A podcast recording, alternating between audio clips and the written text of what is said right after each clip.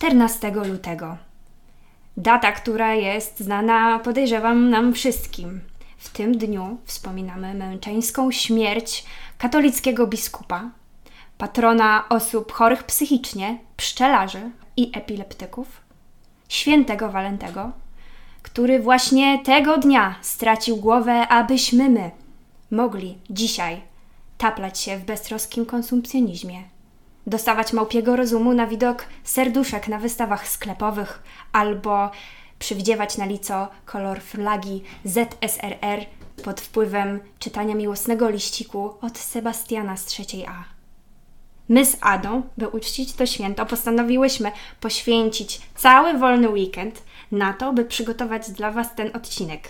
Myślę, że ta y, decyzja jest dowodem na to, że z użyciem mózgu nie miało nic to wspólnego, dlatego można stwierdzić, że straciłyśmy dla Was głowę. W każdym razie dzisiejszy walentynkowy odcinek poświęcimy tematowi, który pasuje dziś jak żaden inny, czyli motywom dekapitacji w sztuce. Ado, proszę, sztachnij się. Czy to zapach miłości? Nie, to zapach krwi. A bliżej krwi Holofernesa, bo to jego głowa poleci dzisiaj jako pierwsza.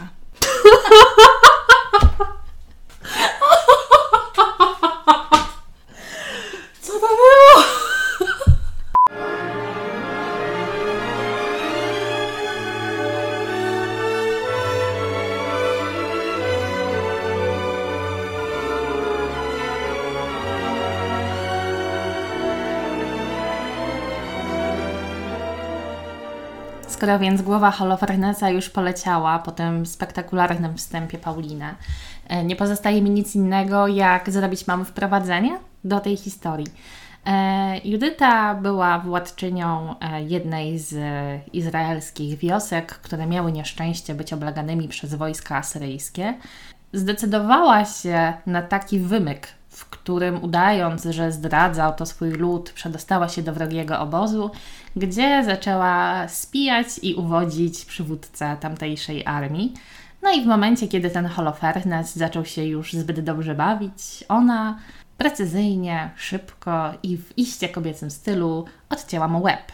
Tak oto e, zapobiegła oblężeniu wojsk, które na widok częściowych zwłok swojego przywódcy zaczęły się wycofywać i e, to galilejska wioska czy miasto zostały bezpieczne.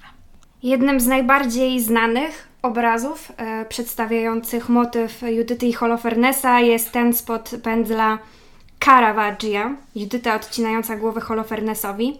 Jest to scena taka dosyć teatralna, bym powiedziała. Na obrazie Judyta została przedstawiona jako piękna dziewczyna o takich delikatnych rysach twarzy, która trzyma Holofernesa za włosy, a drugą jakby tak od niechcenia obcina mu łeb. Holofernes jakby resztką sił próbował się podnieść z łoża, ale no niestety tutaj raczej wątpliwa sprawa, że mu się uda. Z prawej strony obrazu widać służącą, która wyłupiastymi oczami przygląda się tej scenie i trzyma w dłoniach worek, w którym już niedługo spocznie głowa typa. W tle widać czerwoną e, kurtynę, zasłonę, w każdym razie czerwony kawałek Mhm. materiału, który jest tego samego koloru co tryskająca z szyi Holofernesa krew w kolorze miłości. O mój Boże! O, Jesteśmy przy walentynkach. a, przepraszam, miało być romantycznie.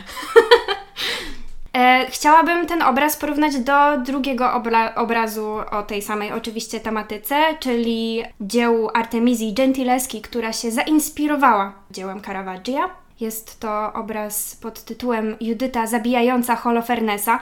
Tutaj przedstawienie wygląda już nieco inaczej. Nie ma się wrażenia, że jest to tak bardzo upozowane i teatralne, bo widać, ch- Judyta została przedstawiona nie jako zwiewna, piękna dziewczyna, tylko jako herszt baba, która musi bardzo dużo siły i bardzo dużo takiej krzepy i zawziętości włożyć w to, żeby jednak tego Holofernesa nieszczęsnego zdekapitować.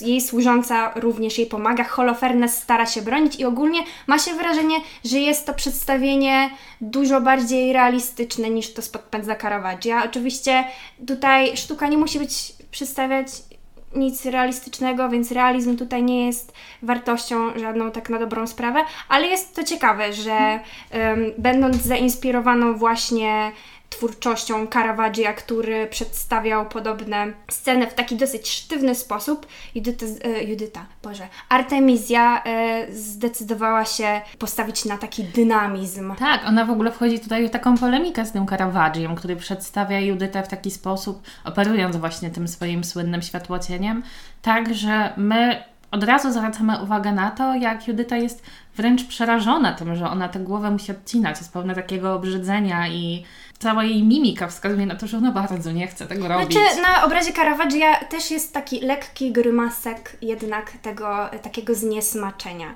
Ale jednak takie lekkie zniesmaczenie y, troszkę stoi w kontrze do tego takiej y, obrzydzenia i takiej zawziętości mhm. tej Judyty na tym drugim przedstawieniu. Tak, tutaj y, stanowczo jakoś u Artemizji, tak, u Artemizji widać, że ona wierzy w to, co ona robi. Ona you do you, girl. Ma...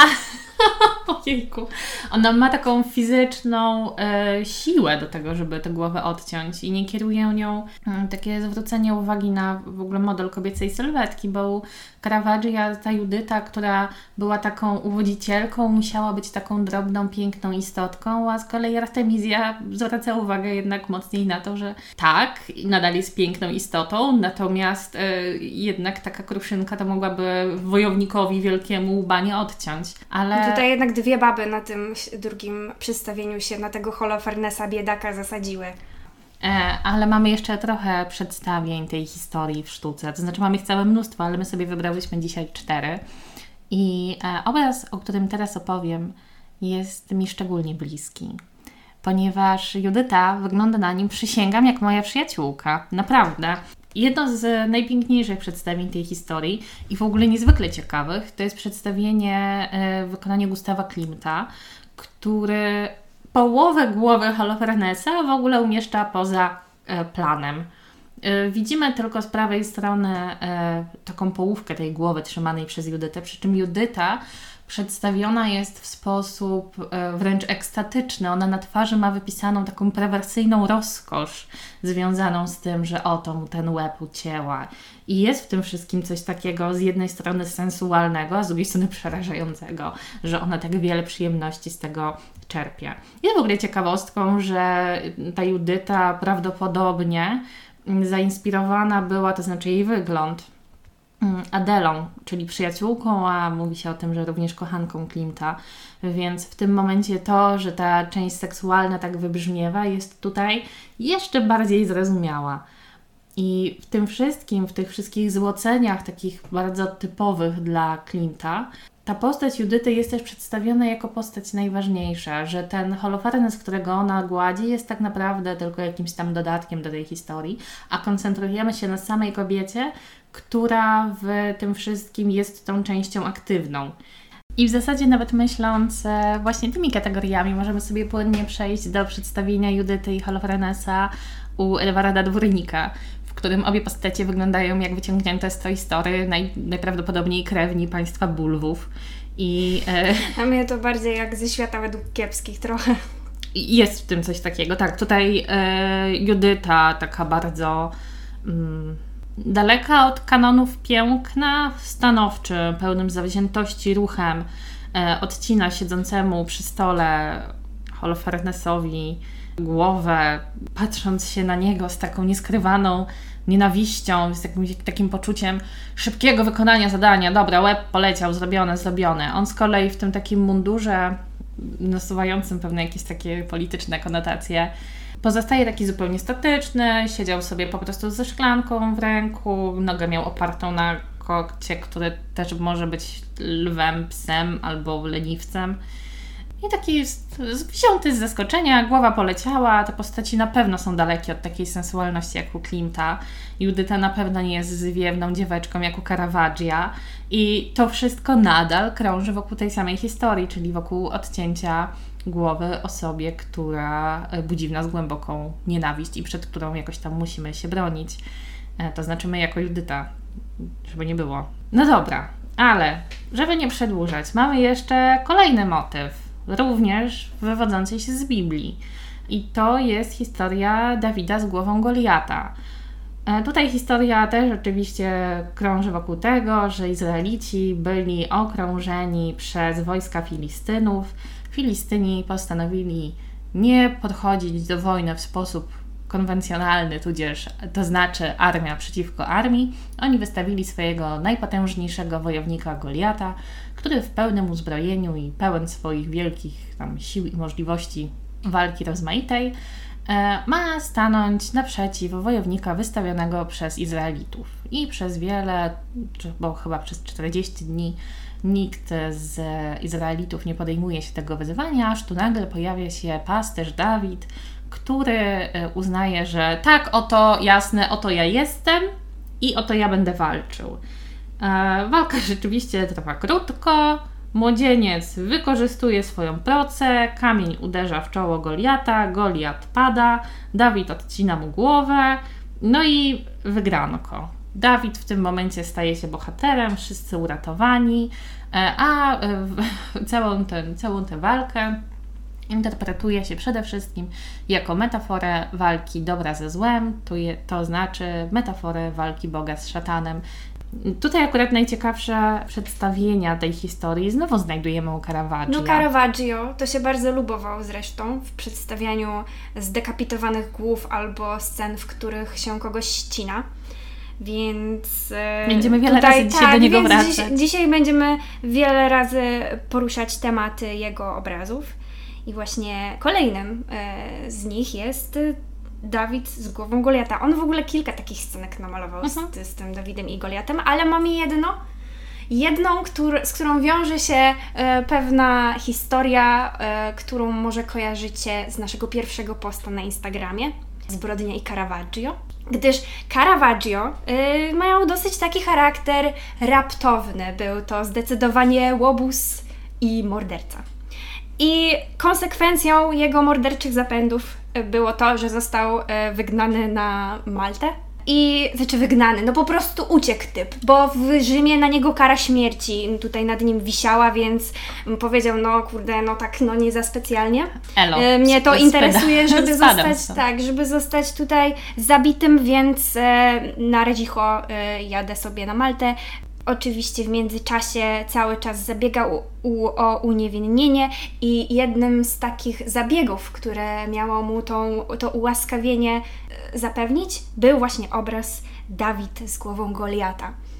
Na obrazie widać młodzieńca, który trzyma głowę parszywusa, a parszywus ów jest przedstawiony jako Caravaggio. Przedstawił siebie jako tego wielkiego, złego olbrzyma i miało to stanowić jego przyznanie się do winy, posypanie głowy popiołem i chciał też tym samym u kardynała Scipione Borghese sobie uprosić ułaskawienie, darując mu właśnie ten obraz.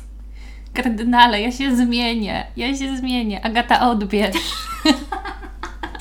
Nie, w ogóle jeżeli chodzi o charakter Caravaggia, to naprawdę jeden post to jest za mało. Można byłoby poświęcić cały odcinek jego ścieżce kryminalnej. Tak, kulminacja jego występków to było właśnie to morderstwo y, Ranucci Tomasoniego, ale historycy sztuki uważają, że prawdopodobnie było to niezamierzone zabójstwo, ale no tego dokładnie też nie wiemy do końca. W każdym razie no typ słynął z tego, że się bardzo awanturował, demolował w ogóle jakieś tam mieszkania, które wynajmował, rzucał garczuchami w kelnerki. tak. No w każdym razie obraz, o którym mówiłyśmy, miał stanowić taki rachunek sumienia tego artysty, który oficjalnie się nawrócił, ale przypominam, że z zakonu y, z Malty również został wygnany, gdyż pobił ojca, opata chyba, tak? I na pewno jednego Kogoś z tam pobił, jednego z zakonników. I powiedzieli, że no typie jesteś dosłownie, coś tam właśnie czytałam, że, Że- że ohydnym jest człowiekiem, to, tak. to po prostu do widzenia i proszę tutaj nie wracać i się martwić swoim wyrokiem śmierci tam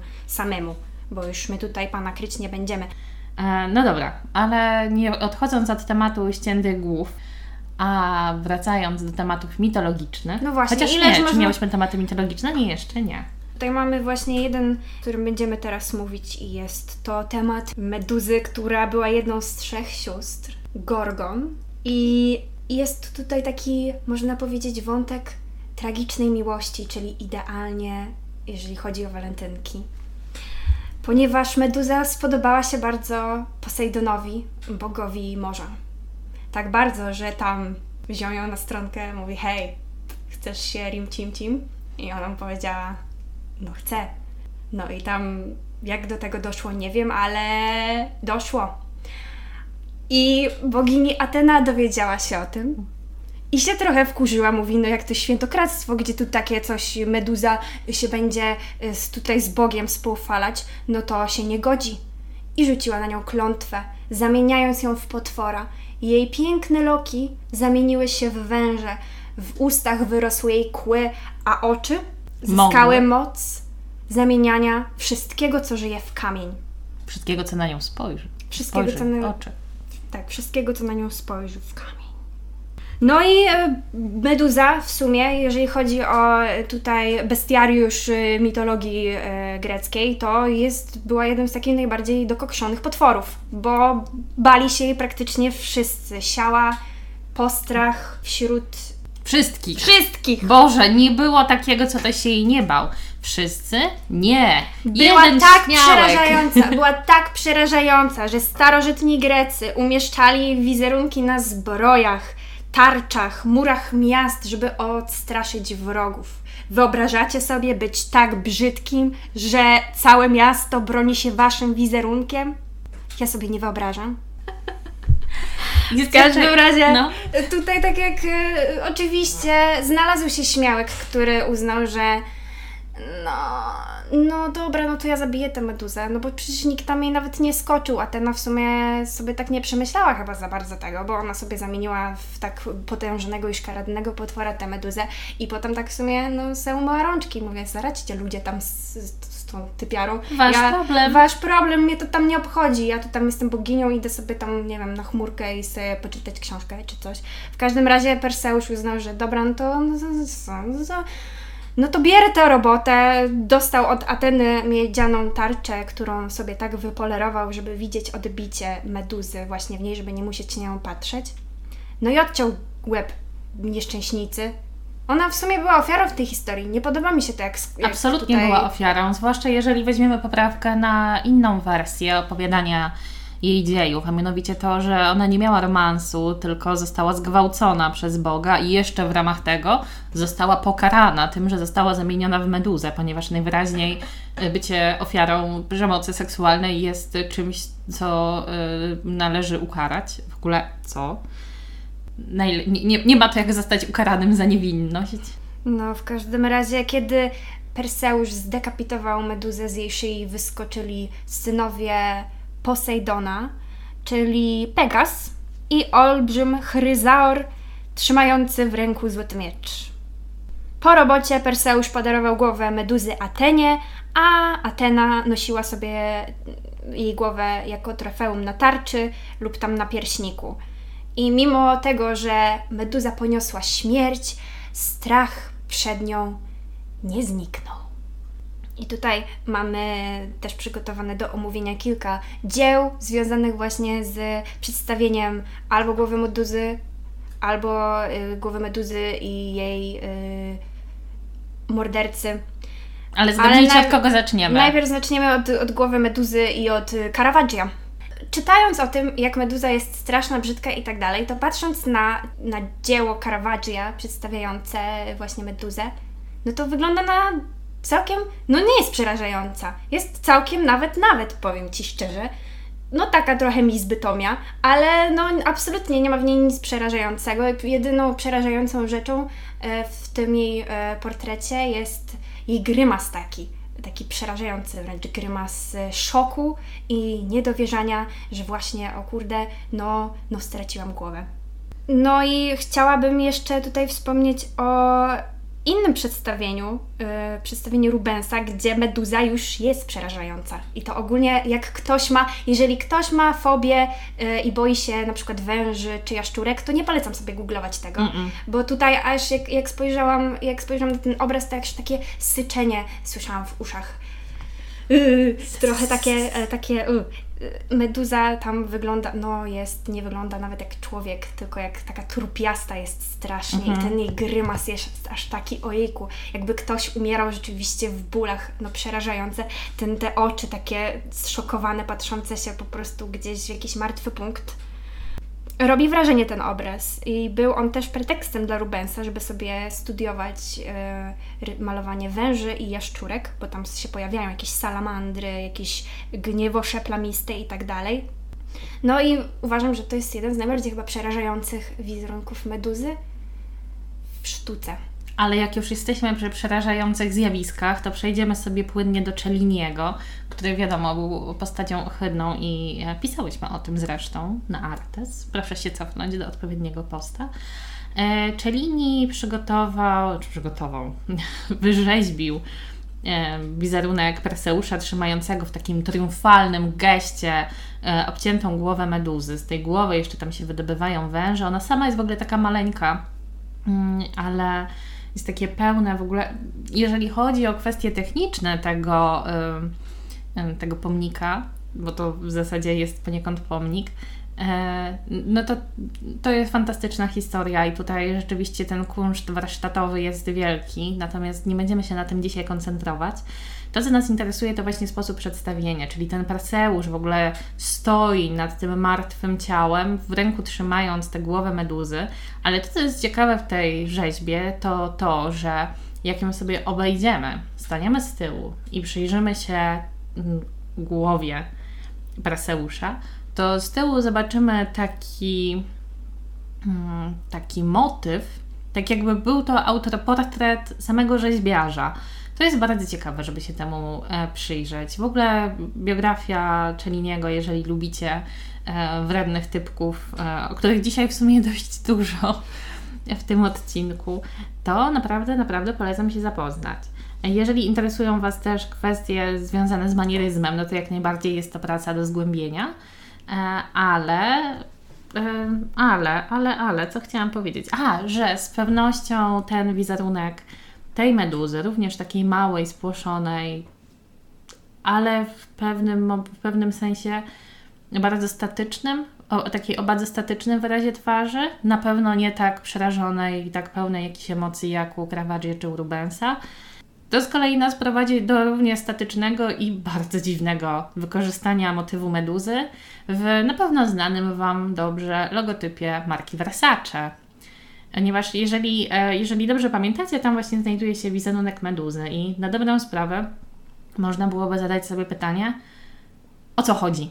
Jakby dlaczego e, to jest postać tragiczna, piękna kobieta skazana na to, by jako potwór funkcjonować, koniec końców ucięta jej głowę. Czy to na pewno jest to, z czym chce się kojarzyć marka produkująca ubrania, biżuterię, akcesoria, bla bla bla? Otóż okazuje się, że tak, ponieważ w głowie dziennego Versace tkwiła taka myśl, że on chce, by produkty jego marki również wprawiały ludzi w osłupienie, żeby patrząc na nie stawali właśnie jak skamieniali. Powiem tak, no dla mnie trochę obrzydliwe, stanowczo próżne, natomiast logotyp Mi jest logotyp. No i tak sobie żyjemy właśnie w tym Artes. No, dla mnie obrzydliwe i próżne, Paulina zadowolona, fajnie, fajnie. Dobra, idziemy dalej, zanim się zaczniemy kłócić. Cóż to za wspaniała postać jeszcze przed nami? No wracamy A. do Biblii, moja droga. Aha. Wracamy do Biblii, Jej. do Jana Chrzciciela. Chrzciciela, o! Dobrze, Tutaj kolejny, kolejny pan, który stracił głowę. Tym razem w imię swojej moralności. Wkraczamy do świata chrześcijańskich postaci, Do Rima. now, Nowego Testamentu oraz y, niezwykłej fantazji do imion, bo tutaj mamy... Ale to bez żartów, to jest prawda. Tak. Niedługo po spotkaniu i ochrzczeniu Jezusa został wtrącony do więzienia za jawne krytykowanie małżeństwa tetrarchy Galilei Heroda Antypasa, y, który poślubił swoją bratową. Jego brat się nazywał Herod III, a jego, brato, y, jego bratowa, y, tego Heroda Antypasa, się nazywała Herodiada. Także no weź No, się, weź bądź mądry i pisz wiersze tutaj. Nie no, ale ogólnie związki kazirodcze miały zupełnie inne, były zupełnie inaczej postrzegane, natomiast... e, Nie przez Jana Chrzciciela, bo powiedział, że fuj. Tak. No ja, i przypłacił te swoje fuj głową. Bo Było nie wybrzydzać. Tak. Herodiada miała córkę Salomę. I Salome mm, miała biodra, które nie kłamią. I sobie bardzo często dla tego swojego ojczyma tańczyła. Shakira, Shakira. Tak bardzo Herodowi Antypasowi spodobał się jej taniec, że obiecał jej spełnić każde życzenie. A mama Salome kazała jej poprosić o głowę Jana Chrzciciela na tacy. I o to też poprosiła. No i się doprosiła, ponieważ no, jak Jan Chrzciciel skończył, to y, się możemy domyśleć, skończył bez głowy. Co do obrazów z motywem Salome z głową Jana Chrzciciela, to jest ich trochę i część z nich namalował, zgadnijcie kto? Caravaggio! Nie! Oczywiście. Ale nowa postać w tym odcinku. O jacie! Ale... Ale- fajnie, że znalazło się dla niego trochę miejsca. Ale będziemy rozmawiać dzisiaj tylko o jednym, jednej scenie, e, Uuu. która została okrzyknięta jako jeden z najlepszych obrazów Caravaggia. Znajduje się obecnie w Waletcie w kościele świętego Jana. Na tym obrazie widać powalonego na ziemię y, Jana Chrzciciela, a nad nim zgraje jego oprawców. Scena dzieje się w lochu. Można sobie z prawej strony zobaczyć więźnia, który wychyla się za krat, by zobaczyć, co też się tutaj odwala. A odwala się to, że Jan Chrzciciel zaraz zostanie pozbawiony głowy. Z prawej strony widać służącą y, z misą, czy tam tacą. Y, Inna, starszawa już nieco kobieta, trzyma się za głowę. Oj, oj, oj, co tu się zaraz będzie wyprawiało. Ola Boga, ola Boga, głowy odcinają. A i tutaj dwóch y, z wyroli y, pastwi się nad być może już martwym Janem Chrzcicielem, który zaraz zostanie zdekapitowany. Tak jak już powiedziałam wcześniej, obraz ten uważany jest jedno, y, y, za jedną z najlepszych prac Caravaggio z, y, z okresu pobytu na Malcie. I o wyjątkowości tego obrazu świadczy też to, że obraz został y, podpisany przez Caravaggia, a ten nie miał w zwyczaju y, sygnować swoich kompozycji. I tutaj mam jeszcze jedną ciekawostkę, że w oratorium kontrkatedry, w którym wisiał obraz ścięcie świętego Jana Chrzciciela, odbyła się ceremonia wydalenia Caravaggia z zakonu Joannitów. No dobra, ale już zamykając na dzisiaj e, kwestię Caravaggia, chyba ostatecznie, e, to przejdziemy sobie całkowicie niepłynnie e, do niemieckiego renesansu i do e, obrazu Lukasa Kranacha starszego, na którym to obrazie Salome jest przedstawiona w sposób tak nieprawdopodobnie gładki, że patrząc na nią można odnieść wrażenie, że ona jest w ogóle całkowicie obojętna wobec tego, że na swoich kolanach trzyma tacę z głową człowieka. No, w każdym razie pomijając to, że Salome jest przedstawiona jako bladolica dzieweczka, natomiast ta dolna część obrazu mogłaby równie dobrze zostać podmieniona motywem kotka na kolanach albo książki na kolanach i jej obojętność wobec tego, co na takiej kolanach by się znajdowało, byłaby prawdopodobnie taka sama. Tutaj e, Salome rzeczywiście wygląda tak, jak osoba, której matka kazała coś zrobić, ona to zrobiła i teraz przynosi, że dobra matka, pokój posprzątany.